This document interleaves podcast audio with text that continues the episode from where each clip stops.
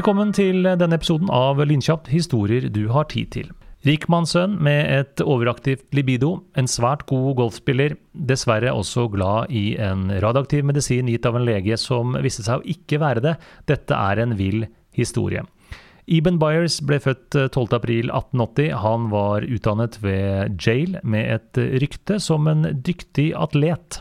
Han vant United States Amateur Golf Championship i 1906, og fungerte som styreleder for sin fars virksomhet, Gerard Iron Company.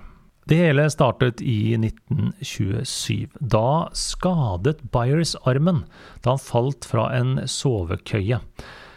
For den vedvarende smerten han pådro seg, så foreslo en lege han gikk til, at han skulle ta Raditor et patentmedisin produsert av William J.A. Bailey. Saken var bare den at Bailey var en slu fyr som strøyk i mange fag på Harvard University, og som feilaktig hevdet å være lege i medisin, og i tillegg hadde blitt rik etter salget av Raditor, en løsning av radium i vann som han hevdet stimulerte det endoktrine systemet. Og på begynnelsen av 1900-tallet så ble det antatt at eh, det radioaktive elementet radium hadde svært helbredende egenskaper. Radiumstrålingsterapi ble antatt å forbedre de vitale prosessene. Det var en oppfatning av at eh, radioaktivitet tilsynelatende kunne gjøre alt.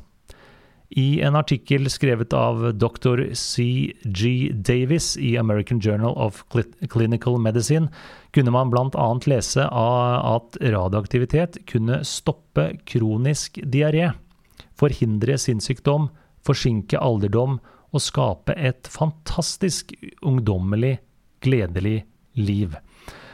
Og det er jo både skremmende og fascinerende at legevitenskapen på den tiden hadde en slik eh, stor tiltro og aksept for bruken av radium som medisin.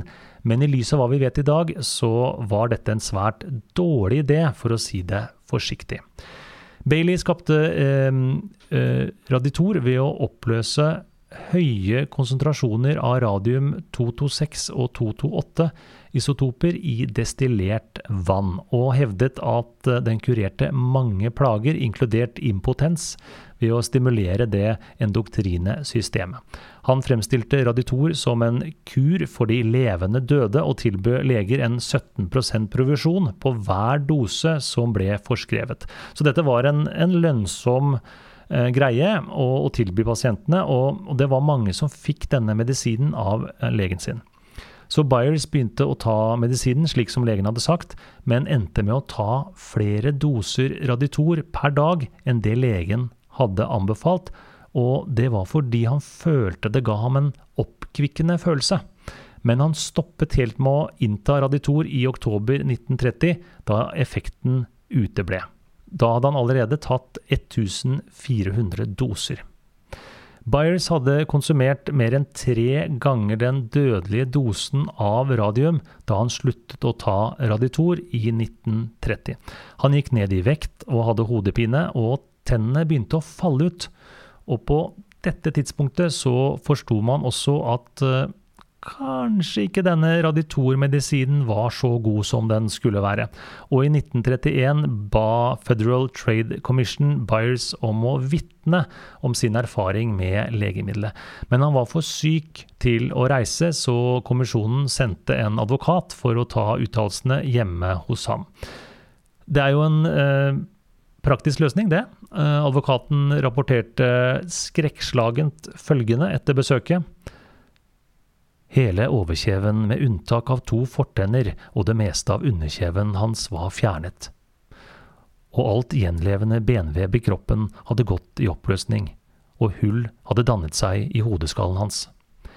Dette er jo utrolig grusomt. Og bare for å si det, nå kommer jo alle til å gjøre det selvfølgelig, men ikke google etter å se bilder. For de fins. Ikke gjør det. det. Det er ille. Eh, det er ikke pent, for å si det forsiktig. De forferdelige omstendighetene ved hans død fikk mye omtale, og Wall Street Journal hadde en overskrift som, eh, som var som følger Radiumvannet fungerte fint til kjeven hans gikk av. Og som et apropos, det var mange tilsvarende skjebner i perioden fra 1920-tallet og helt til 1940-tallet, men det var først med Byers sin etter hvert så grusomme erfaring at det ble en økt bevissthet om farene ved strålingsforgiftning, og til innføringen av lover som forbød mange produkter som Raditor.